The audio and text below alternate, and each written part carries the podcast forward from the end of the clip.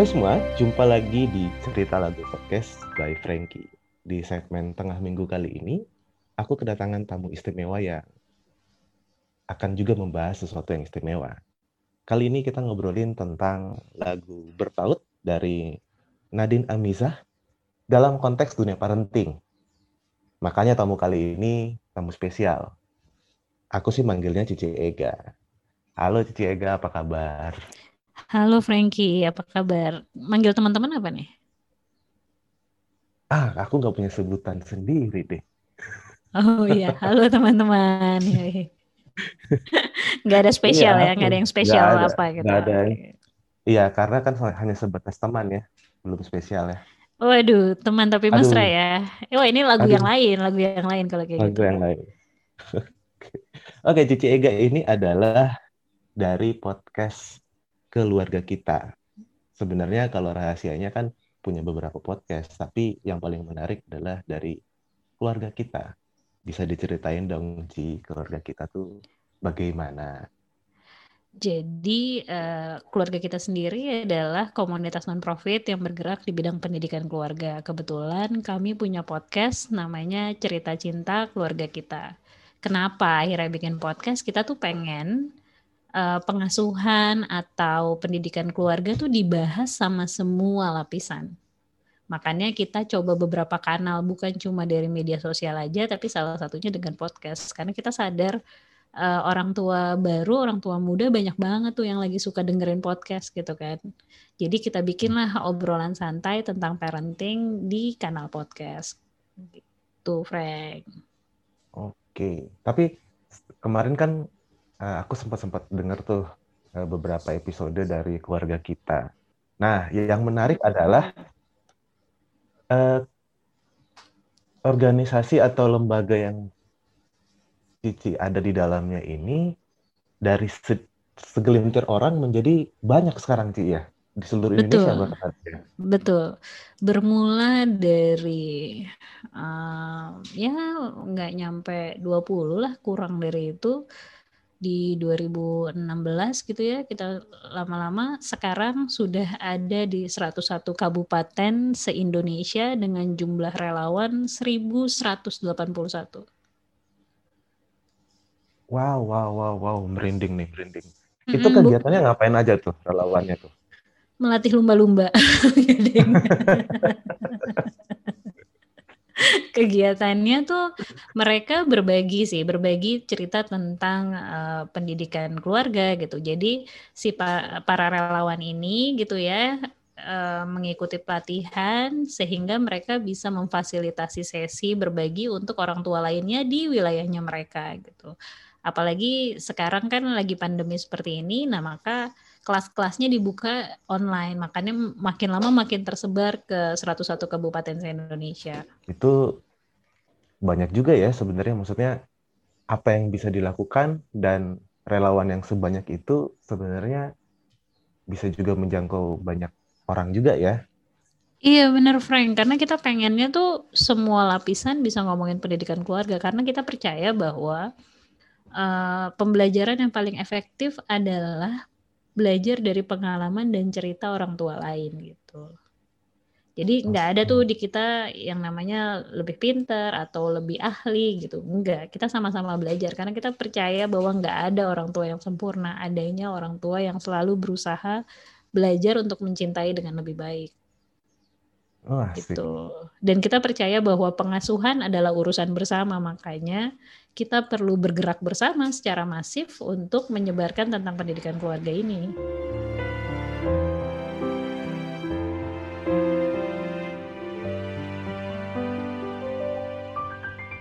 Ini kayak lagu yang akan kita bahas sih. Lagu Bertaut dari Nadine Amizah.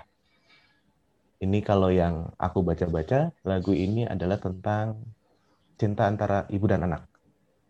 Menurut Cici bagaimana? Ada cerita apa Cici dengan lagu ini, Cici? Aduh, ini kalau diomongin cerita gitu ya, eh, sebenarnya pertama kali dengar lagu ini tuh dikasih tahu sama suami. Mm-mm. Kebetulan eh, selepas anakku yang kedua meninggal, uh, suami bikinin video isinya uh, foto anak itu gitu, foto anak kami selama 20 hari bersama kami gitu. Jadi uh, kayak kolase foto gitu dikasih lagu bertaut. Ada kata-kata uh, keras kepalaku sama denganmu, caraku marah, caraku tersenyum gitu ya, seperti detak jantung yang bertaut. Pas banget di lirik yang itu. Itu rupanya suamiku sengaja mau kasih ke aku uh, dia pengen kasih tahu bahwa anak kedua kami nih secara perilaku mirip banget sama aku dan uh, yang cukup bikin menohoknya ya memang benar gitu dibandingkan anak pertama. Secara uh, personal gitu ya si bayi kecil ini nih mirip banget sama ibunya. Makanya suamiku kasih lagu itu. Setelah dengar lagu itu aku jadi ngulik lagunya gitu. Aku mau denger dong judulnya apa gitu. Terus mm -hmm. akhirnya aku dengerin. Terus satu waktu pernah ngeliat uh, wawancaranya si Nadina Miza sama Vincent Desta gitu. Dia bercerita bahwa ini nih memang lagu yang dia buat untuk ibunya. Gitu. Jadi makin kayak wah relate sekali ya gitu. Kalau aja anakku ada, mungkin ini bisa jadi uh, anthem anthem songnya kami gitu lah. Gitu Frank. Ini agak melo ya kalau bahas ini nih tapi tapi yang menarik adalah ini nih memang suara hatinya si Nadine untuk ibunya bahwa mereka punya beberapa kemiripan gitu. Oke. Ini apa Cici tadi cerita tuh aku langsung dek oke bentar membayangkan gitu kan aduh karena waktu itu kan kita baru-baru pertama kali kenal di podcaster kan ya Ci iya iya benar-benar Uh, baru pertama kali kenal juga. Gitu. Oke, okay. uh, eh, itu tadi interpretasi Cici untuk lagu ini ya. Mm-hmm. Seandainya seandainya Dede Bayi masih ada bisa menjadi anthem song lagu kebangsaan yang ada di antara Cici dan Dede Bayi. Sekarang aku mau lari ke sini dulu, Cici. Uh, kalau berbicara tentang hubungan ibu dan anak ibu dan seorang anak gitu ya. Menurut Cici kayak gimana sih? Harusnya. Harusnya. Sebenarnya nggak ada yang harus sih di muka bumi ini loh soalnya ya. Bukan gitu ya. Nggak gini, yeah. Ki. masalahnya gini. Uh, masalahnya gini. Saat-saat ini kan fenomenanya kan berbeda ya. Iya, yeah, iya. Yeah. Fenomenanya berbeda. Hubungan antar ibu dan anak tuh udah bukan lagi yang seharusnya. Makanya kenapa aku bertanya, seharusnya sih gimana sih, Cik? Oke. Uh, sebenarnya tuh hubungan ibu dan anak tuh hubungan yang indah ya. Kebayang ya uh, dari masih di dalam kandungan gitu ya selama sembilan bulan terjadi interaksi yang luar biasa antara si ibu dan si anak gitu ya dibawa terus penerus sama ibunya setiap saat 24 jam gitu sampai akhirnya dia keluar terus uh, menjadi seorang anak Masalahnya adalah kalau Frank kita dibilang kayaknya sekarang hubungan ibu sama anak nggak semuanya oke okay deh gitu.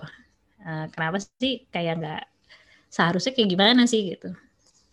Nah itu tuh biasanya balik lagi ke orang tua tuh ketika ngelahirin atau orang tua ketika jadi orang tua nggak ada manual booknya gitu loh Frank Gak kayak beli ini kan, gak kayak beli laptop gitu atau gak kayak beli AC gitu. Wah ini gimana ya, ya cara iya. pakainya gitu ya, tinggal buka gitu.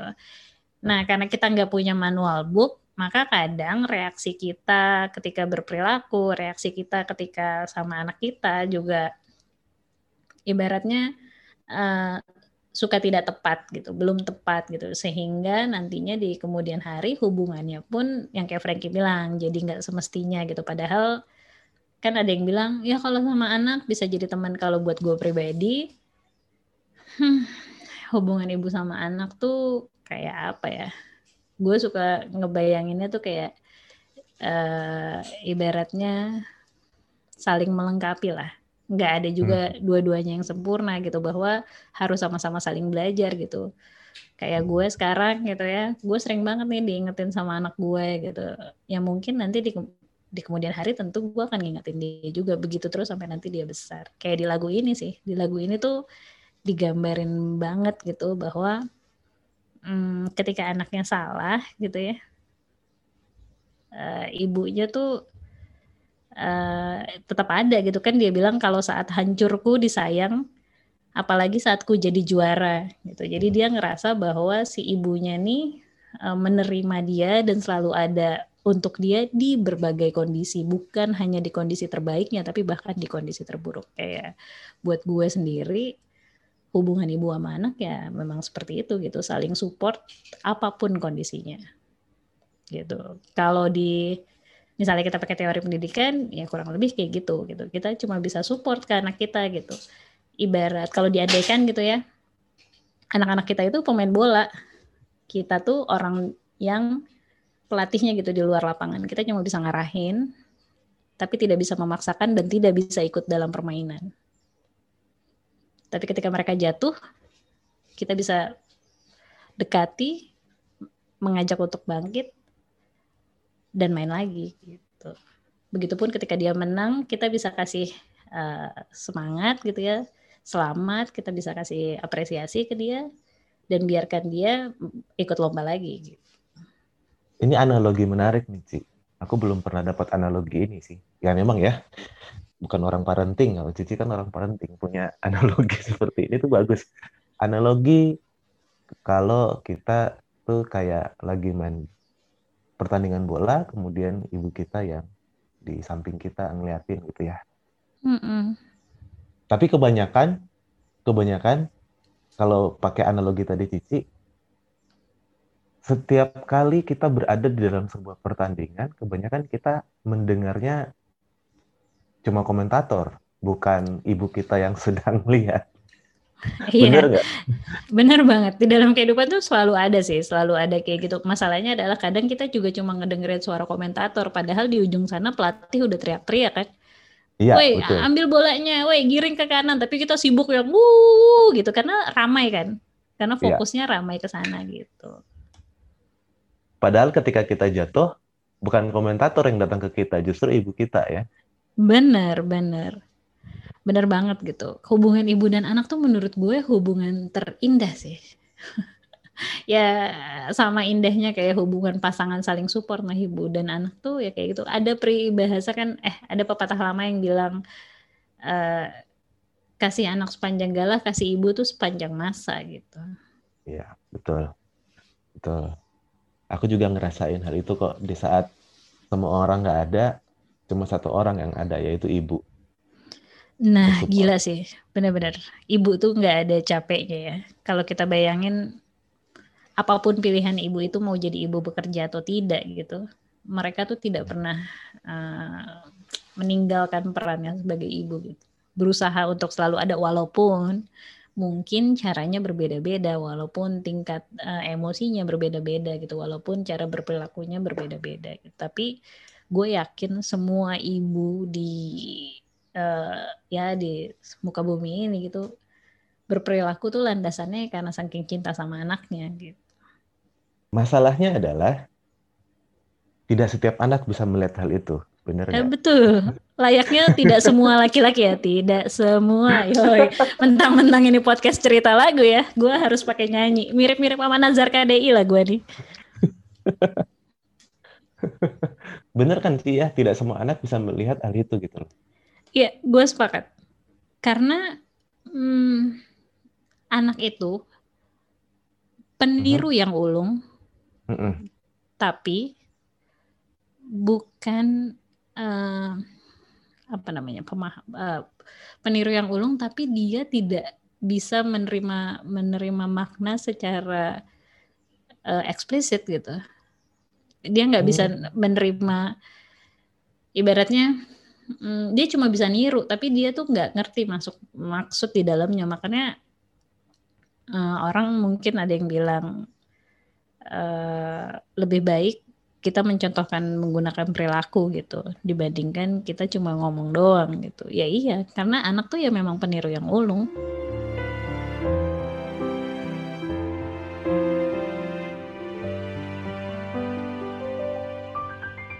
children see, children do. Iya, betul. Children see, children. Apa yang anak lihat itu anak tiru. Ini aku pernah nonton kayak satu cuplikan itu, Ci. Nggak tahu tuh, Cici. Iya, iya. Pasti tahu lah ya. Yang ada anak kecil jalan sama orang tuanya, ketika orang tuanya ngerokok, ya dia ngerokok. Ketika orang tuanya marah-marah kepada orang lain, dia juga marah-marah. Children see, children do. Banyak orang tidak memahami hal ini kali ya, Ci ya. Karena gini, aku juga ber- berkecimpung di dunia pendidikan. Dan saat ini, di saat pandemi seperti ini, kan anak-anak sekolah kebanyakan di rumah. Iya. Yang aku dapati adalah eh, banyak orang tua yang datang ke aku gini, Pak, kapan sekolah masuk lagi gitu. Saya sudah Rindu bosan anak ya saya mereka di rumah ya. terus. Saya sudah bosan anak saya di rumah gitu loh, Ci. Udah udah nggak kuat saya ngajarin. Nah, itu tuh gimana tuh dari Cici nih? Oke, ini ini banyak banget sih yang maksudnya i- aku aku lumayan banyak dengar cerita ini dan mengalami juga gitu betapa banyak orang tua yang merasa kewalahan sekali ketika anak belajar di rumah gitu.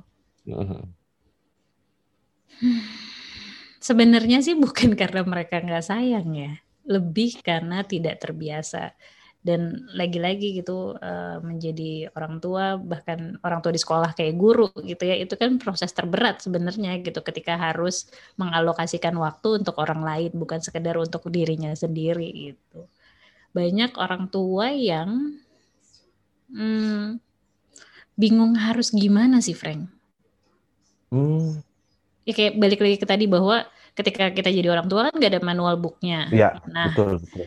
Banyak sekali orang yang nggak tahu bahwa sebenarnya eh, untuk menjalin suatu hubungan tuh memang perlu diusahakan dan perlu dibina. Begitupun hubungan ibu dan anak gitu. Bukan eh, se- bukan ujuk-ujuk ya karena lo anak gua pasti lo sayang gua pasti lo ngertiin gua dan begitu sebaliknya karena lo orang tua gua harusnya lo ngertiin gua dong harusnya gua sayang eh, harusnya lo sayang sama gua dong nggak bisa kayak gitu gitu membina Hmm. hubungan tuh memang butuh effort memang perlu diusahakan jadi ya perlu ada komunikasi menjalin komunikasi gitu perlu ada saling memahami bahwa sifat bawaan anaknya begini, bahwa sifat bawaan ibunya begini. Kayak misalnya belajar aja.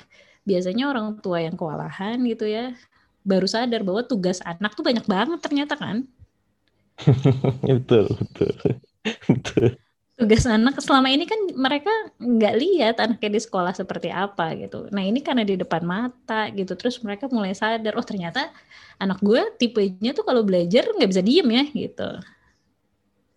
Nah, Kan iya benar. sifat bawaan anak tuh beda-beda. Gue ngambil Benar. contoh aja anak gue. Anak gue kebetulan eh, gue punya dua anak, yang satu almarhum, satu lagi usia enam tahun, plus gue punya tiga ponakan yang tinggal bareng sama gue. Jadi ada hmm, yang umur 19 tahun, 17 tahun, sama umur 8 tahun. Ini nih si empat orang ini nih belajar dari rumah dengan sifat bawaan yang berbeda si anak 19 tahun ini mirip banget sama gue. Orangnya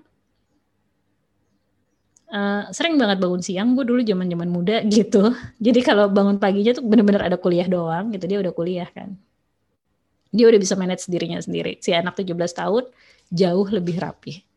Jam subuh gitu dia udah bangun, dia udah siapin semua, terus waktunya sekolah dimulai dia udah duduk. Nah, si dua anak kecil ini tipenya agak beda. Yang Hmm. satu bosenan, itu anak gue yang umur 6 tahun. 5 menit pertama sih matanya masih oke. 10 menit oke. 15 menit oke. 20 menit miring ke kiri. Mm, gue pernah mergokin dia ngantuk. Lagi Itu kan- belajar online. Iya, lagi belajar online. Itu kan yang sebenarnya eh, apa namanya yang nggak disangka sama orang tua gitu. Ke- Ketika ngeliat itu dia langsung wah gila ternyata gini gitu. Wah ternyata tugasnya banyak banget dari sekolah. Wah ternyata eh, barengan sama anak terus gitu ya bikin lo nggak punya waktu untuk relax sebentar sendiri. Kan kalau anak sekolah lu punya waktu untuk napas sebentar kan? Nggak ada suara yang manggil bu ibu gitu kan? Ya ya. Itu yang bikin kita jadi kayak orang tua kayak drain banget gitu kayak overwhelmed capek banget. Padahal kalau dipikir-pikir masa pandemi ini semua adaptasi guru pasti overwhelmed karena harus belajar lagi gitu ya yang tadinya biasa offline atau jadi online harus nyiapin uh, proses belajar yang gimana caranya bisa menarik siswanya kayak tadi gitu kalau kayak anak gua tiba-tiba 15 menit udah mulai mingser-mingser gitu Terus si anak juga pasti overwhelm, bosen gitu, dia nggak bisa ketemu temennya, nggak bisa main. Kalau di sekolah bisa bunyi kring, bisa kabur gitu kan, Bel. Kalau ini kan enggak. Menurut yeah. gue kalau ada orang tua yang bilang, Pak, kapan sekolah? It's normally things sih, normal banget. Gue yakin mereka juga pasti lelah gitu ya. Tapi yang salah itu adalah ketika lu berpikir lu bisa menyerahkan anak lo ke sekolah dan hanya uh, satu sisi aja cuma ngandelin sekolah tok tapi lu tidak mau sama-sama buat bekerja sama sama pihak sekolah dan guru itu yang salah gak ada yang salah sih maksudnya itu yang kurang efektif kalau lo pengen anak lo berkembang ya ayo kerjasama lo dan guru bina komunikasi yang baik gitu gimana caranya uh, lo memahami bahwa si guru juga selain ngurusin anak-anak yang lain, ya dia punya tanggung jawab sama dirinya dan anaknya misalnya gitu kan. Jadi ya sama-sama uh, saling memahami aja. Gitu. Sinergi ya, Ci. Ya? Iya benar. Kalau apa sih segitiga yoi, segitiga oh, iya. sinergi iya. gitu kan antara sekolah, pihak sekolah, sekolah, guru dan orang tua. Gitu. Hmm. Lambangnya gitu ya segitiga. Iya uh, benar. Pola hubungannya tuh harus gitu harus ya. saling bersimbiosis. Bukan sinergi yang MLM itu kan? Eh, eh kaki-kaki ya. Kaki-kaki dan dapatkan kapal pesiar. Oke. Okay. Aduh. Oke, Ci, kita balik lagi dulu deh ke children si children do. Mm-hmm. Uh, apa yang anak lihat dia peniru ulung gitu ya. Nah, kadang-kadang mm -hmm. kan ada beberapa orang tua yang uh, tidak sadar bahwa perilakunya ditiru. Iya. Ya, itu contoh yang contoh yang tidak sadar tuh kadang-kadang yang ditiru sama anak tuh kayak apa sih? Yang paling apa? orang tua nggak sadar adalah bahwa emosi atau pola pengasuhan yang dia kasih ke anaknya itu akan ditiru nanti di kemudian hari oleh anaknya. Gak usah jauh-jauh di kemudian hari deh. Hal Ketika dia menjadi orang tua juga nggak? Iya benar, ketika anak itu menjadi orang tua juga. Hal sepele. Gue tuh dulu uh, circa 2014, 2015 gue bad temper. Bad hmm. temper parah. Uh, emosi dominan gue tuh marah. Okay. Memang emosi, emosi dominannya marah gitu ya. Sampai satu hari uh, eh, gue pernah marah sama anak gue parah banget. Terus gue ngeliat. Ini selang misalnya selangnya udah lumayan lama ya sebulan dua bulan dari gue marah terus anak gue main boneka dia persis mm-hmm. banget Frank marahnya kayak gue dia marahin bonekanya ayo makan satu suap lagi satu suap lagi gitu wow wow. Buat buat teman-teman yang mungkin sudah punya anak dan mendengarkan ini pasti pernah ya ngelihat anak bermain boneka gitu ya. Terus tiba-tiba ya. kok kita kayak pengen nengok loh kok itu katanya mirip ya? Kok itu kayak siapa ya? gitu. Kok gue kayak nggak ini ya kayak apa namanya kayak dejavu ya. Ini kok kayak gue gitu. Itu tuh salah satu yang orang tua nggak sadar bahwa perilaku mereka perilaku marahnya mereka tuh ditiru banget sama anak bukan dan cuma perilaku yang baik ya dan itu bisa jadi lingkaran negatif Frank dan itu direkam ya kerekam dalam pikiran ya kerekam dan bisa jadi lingkaran negatif lingkaran negatif yang susah buat dilerai ujungnya. Contoh. Iya benar, benar, benar. Lo mungkin kita uh, flashback ke pengasuhan masa lalu ketika banyak banget orang tua yang bilang, wah oh, anak sekarang mah hidupnya mudah banget gitu. Kalau kita zaman dulu tuh guru sama guru bisa dipukul tangannya pakai rotan gitu ya. Sering banget yang bilang kayak gitu. Tanpa sadar dipukul pakai rotan itu ngebekas kan. Dan mungkin saat itu kita bilang gue nggak akan ngulangin lagi ke anak gue tapi rupanya itu tuh kita ngulangin lagi gitu. Karena yang kita lihat secara terus-menerus itu kan dan itu jadi lingkaran negatif yang susah dipotong, susah dipotong sama lo sendiri. Itu susah di, untuk dihentikan kalau lo memang tidak sadar bahwa itu salah. Bahwa itu kurang efektif untuk membina hubungan, untuk untuk membina eh, komunikasi yang baik sama anak lo di kemudian harinya gitu. Jadi sebenarnya secara sadar harus iya uh, menyadari bahwa itu benar-benar harus di stop, benar-benar harus dipotong gitu ya. Iya, karena kan uh, pola pengasuhan masa lalu tuh adalah uh, salah satu hal yang nggak bisa kita kontrol dalam pengasuhan. Dan yang paling sering ketiru secara tidak langsung adalah yaitu perilaku marah orang tua ketika sama anak gitu terus akhirnya berpengaruh.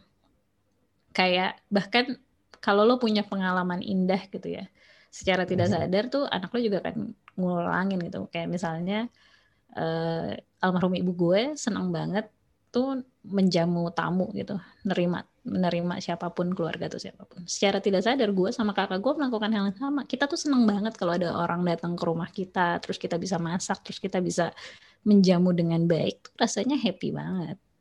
Hmm.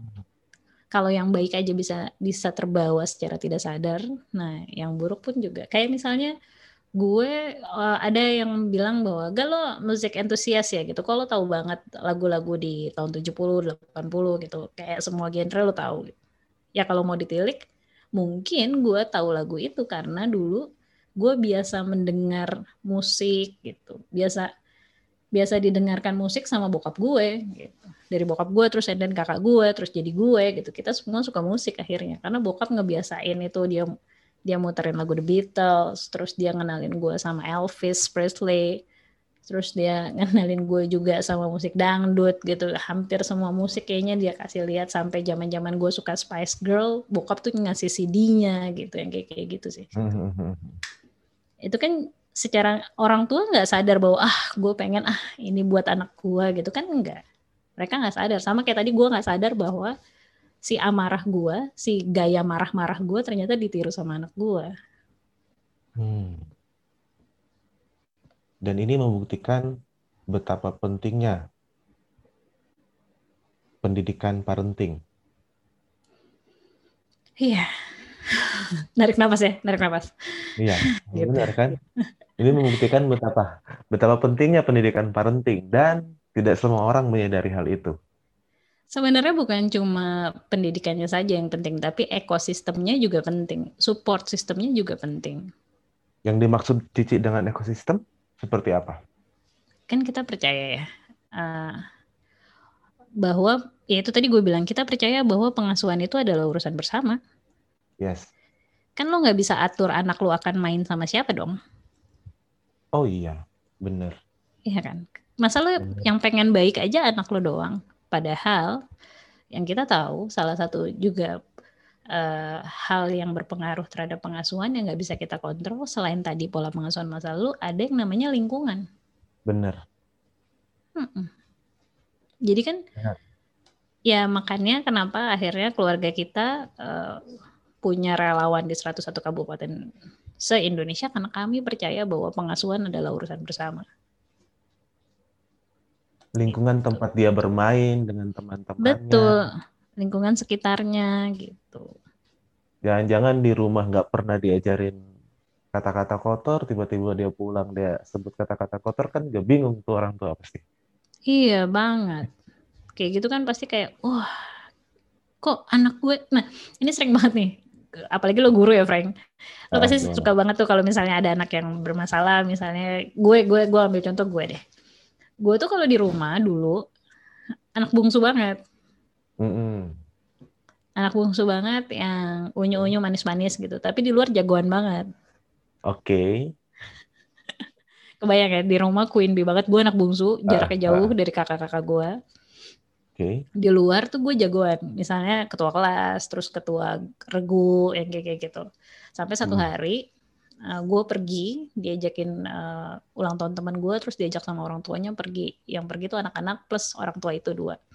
Ketika pulang nganterin gue ke rumah si orang tua ini bilang sama nyokap gue Bu, uh, makasih ya hari ini uh, Mega udah ikutan main gitu kan, Mega udah ikutan main segala macam gitu.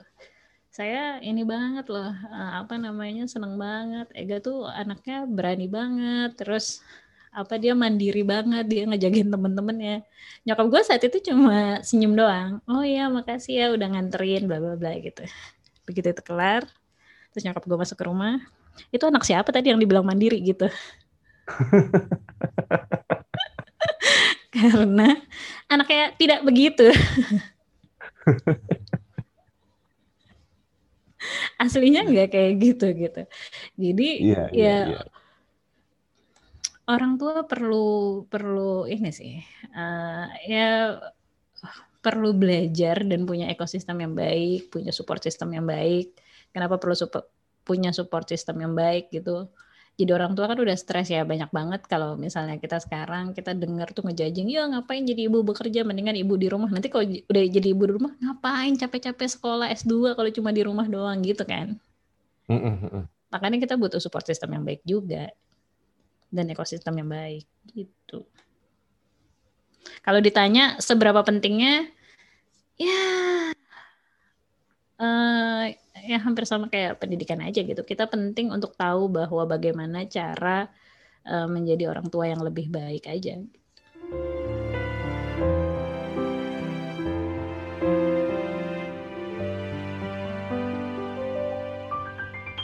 Oke, kita perlu tahu bagaimana cara menjadi orang tua lebih baik. Ya. Sekarang pertanyaannya nih, Ci. Mm -mm. Pendidikan parenting itu cocok diajarkan kepada pemuda atau remaja juga kah sehingga mereka tidak bis, tidak mengulangi lagi kesalahan Kalo yang sama sudah yoi kayak gimana yoi sehingga mereka tidak mengulangi lagi kesalahan yang sama okay. uh, eh, menurut gue sih cocok ya makanya kenapa kalau mungkin di di agama Kristiani gitu ya ada kalau dulu namanya pendidikan pranikah gitu kan. Ya. Nah, kalau di Islam tuh belakangan sih ya baru ada. Apa gue ya? Apa karena gue diwakili sama orang ya? Gue juga nggak tahu deh. Waktu gue nikah, seinget gue ada mungkin tapi kayak gue diwakilin orang ya. Iya iya. Menurut gue sih penting Frank.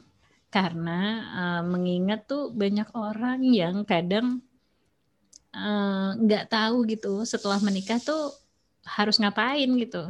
Setelah punya anak harus ngapain gitu. Yang kebayang mungkin kok anak-anak zaman sekarang kebayangnya wow nikah itu enak banget bak couple goalsnya mereka gitu kan. Nanti bisa pacaran terus lebih halal gitu-gitu kan. Tapi kan mereka nggak tahu bahwa setiap fase kehidupan tuh selalu punya tantangannya masing-masing gitu Iya. Maksud gue nggak ada nggak ada hal yang salah ketika lu menyiapkan dari sekarang. Kalau lo sudah bahkan ketika lu udah siapin aja belum tentu lu bakal jauh lebih baik gitu kan kan nggak juga gitu selalu ada ya. naik turunnya gitu makanya tadi gue bilang perlu ada ekosistem yang baik juga ya untuk itu proses belajarnya itu tuh terus menerus kalau digambarin tuh menurut gue kenapa akhirnya uh, pendidikan keluarga dan parenting cocok juga diajarkan untuk pemuda gitu ya karena jadi orang tua itu kan prosesnya kayak lari maraton tuh Frank.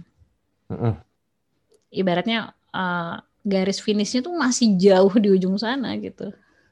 Kita tuh lagi berproses berlari menuju ke sana dan selalu ada uh, titik untuk misalnya kita lelah terus tiba-tiba ketika kita lelah selalu ada titik untuk bounce back itu buat balik lagi jadi lebih baik. Jadi kalau hmm. misalnya anak-anak zaman sekarang dikasih dikasih tahu lebih awal tuh menurut gue jauh lebih baik.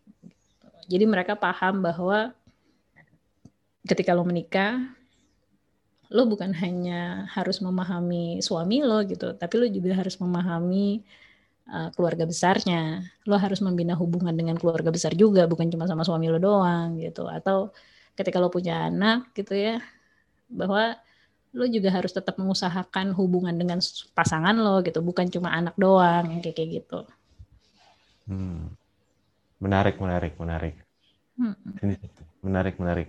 Ini sepertinya memang aku harus ngikut kelasnya. Ayo nih. dong, ikut dong, Frank. Ada yang khusus bapak-bapak eh, lagi berjalan sih, namanya debar ya, sesi berbagi gitu. Itu ada khusus buat bapak-bapak.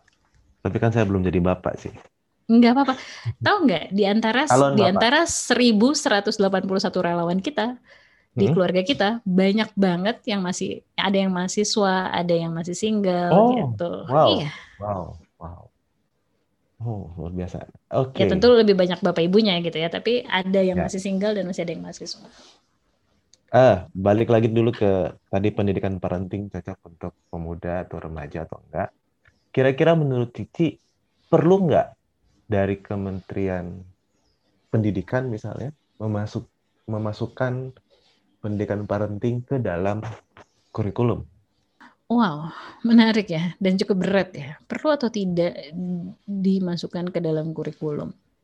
Kalau di Kemdikbud sendiri sebenarnya sudah ada sempat ada bagian yang eh, khusus untuk pendidikan keluarga setahu gue. Mm-mm. Tapi nggak tahu sekarang masih ada atau enggak gitu ya. Tapi kalau dijadiin kurikulum buat murid, hmm, mungkin ya, mungkin ya, kalaupun iya gitu ya, lebih ke kalau gue lebih lebih cocok adalah materi untuk mengenali dirinya sendiri aja dulu. Oke. Karena gimana lu mau memahami orang lain ketika lu bahkan belum bisa memahami diri lu sendiri. Oke, materi untuk memahami diri diri sendiri dulu. Mungkin itu akan menjadi pembahasan atau sharing kita lain waktu, Ci. Wow, ngeri ya. Iya. Ini bersambung ya. Aduh, kita bahas lagu Sambung. lagi deh kalau gitu ya lah salah ya. Lagu Oh, kalau- mengenali diri sendiri. Oke, baik. Pakai lagu yang mana ya? Saya kayaknya punya deh lagu itu. Lo salah ya? Oh, itu lagunya Kak Glenn. Ini aku. Oh, Oh, bukan ya? aduh, bukan. Itu Aduh. patah hati sih. Aduh, aduh. Kasihan buat kamu, kamu, kamu yang pernah ditinggal nikah. Gak apa-apa sama. Eh, saya yang belum pernah sih ditinggal nikah. Saya gagal nikah pernah. Lo salah ya? Aduh. Oke, Deci, terima kasih sudah sharing. Ini luar biasa banget. Ini dalam sih ya. Sebenarnya tuh aku nggak kepengen untuk untuk closing, tapi kayaknya sudah lebih dari 30 menit kita ngobrol. Iya dong. Jangan lama-lama. Nanti bosan. Yoi. Nanti kita simpan untuk yang lain, lain waktu aja ya. Bener banget. Nah, Ditunggu. ditunggu. Dari lagu Bertaut punyanya Nadine Amisah, kita belajar bahwa hubungan antara orang tua dan anak, hubungan antara ibu dan anak, dunia parenting itu memang sesuatu yang sangat penting untuk dibahas. Bersama Betul. dengan Cici bersama dengan Cici Ega. Please follow IG-nya Cici Ega di At Surhat Umay atau bisa follow juga at keluarga kita ID. Oke, follow at Surhat Umay dan at keluarga kita ID. Buat cek konten-konten eh, parenting kita. Untuk cek konten-konten parenting. Kalau mau curhat-curhat tentang parenting, bisa juga ke Cici Ega. Kalau mau curhat tentang lagu, curhatlah ke saya. Ya, di cerita lagu dot podcast. Oke, Ci, terima kasih banyak untuk waktunya. Terima kasih banyak. Terima kasih kembali Frankie. Aduh, makasih banyak ya disuruh ngebahas lagu bertaut ini. Oke, sampai jumpa di edisi selanjutnya. Aku Frankie pamit. Bye-bye.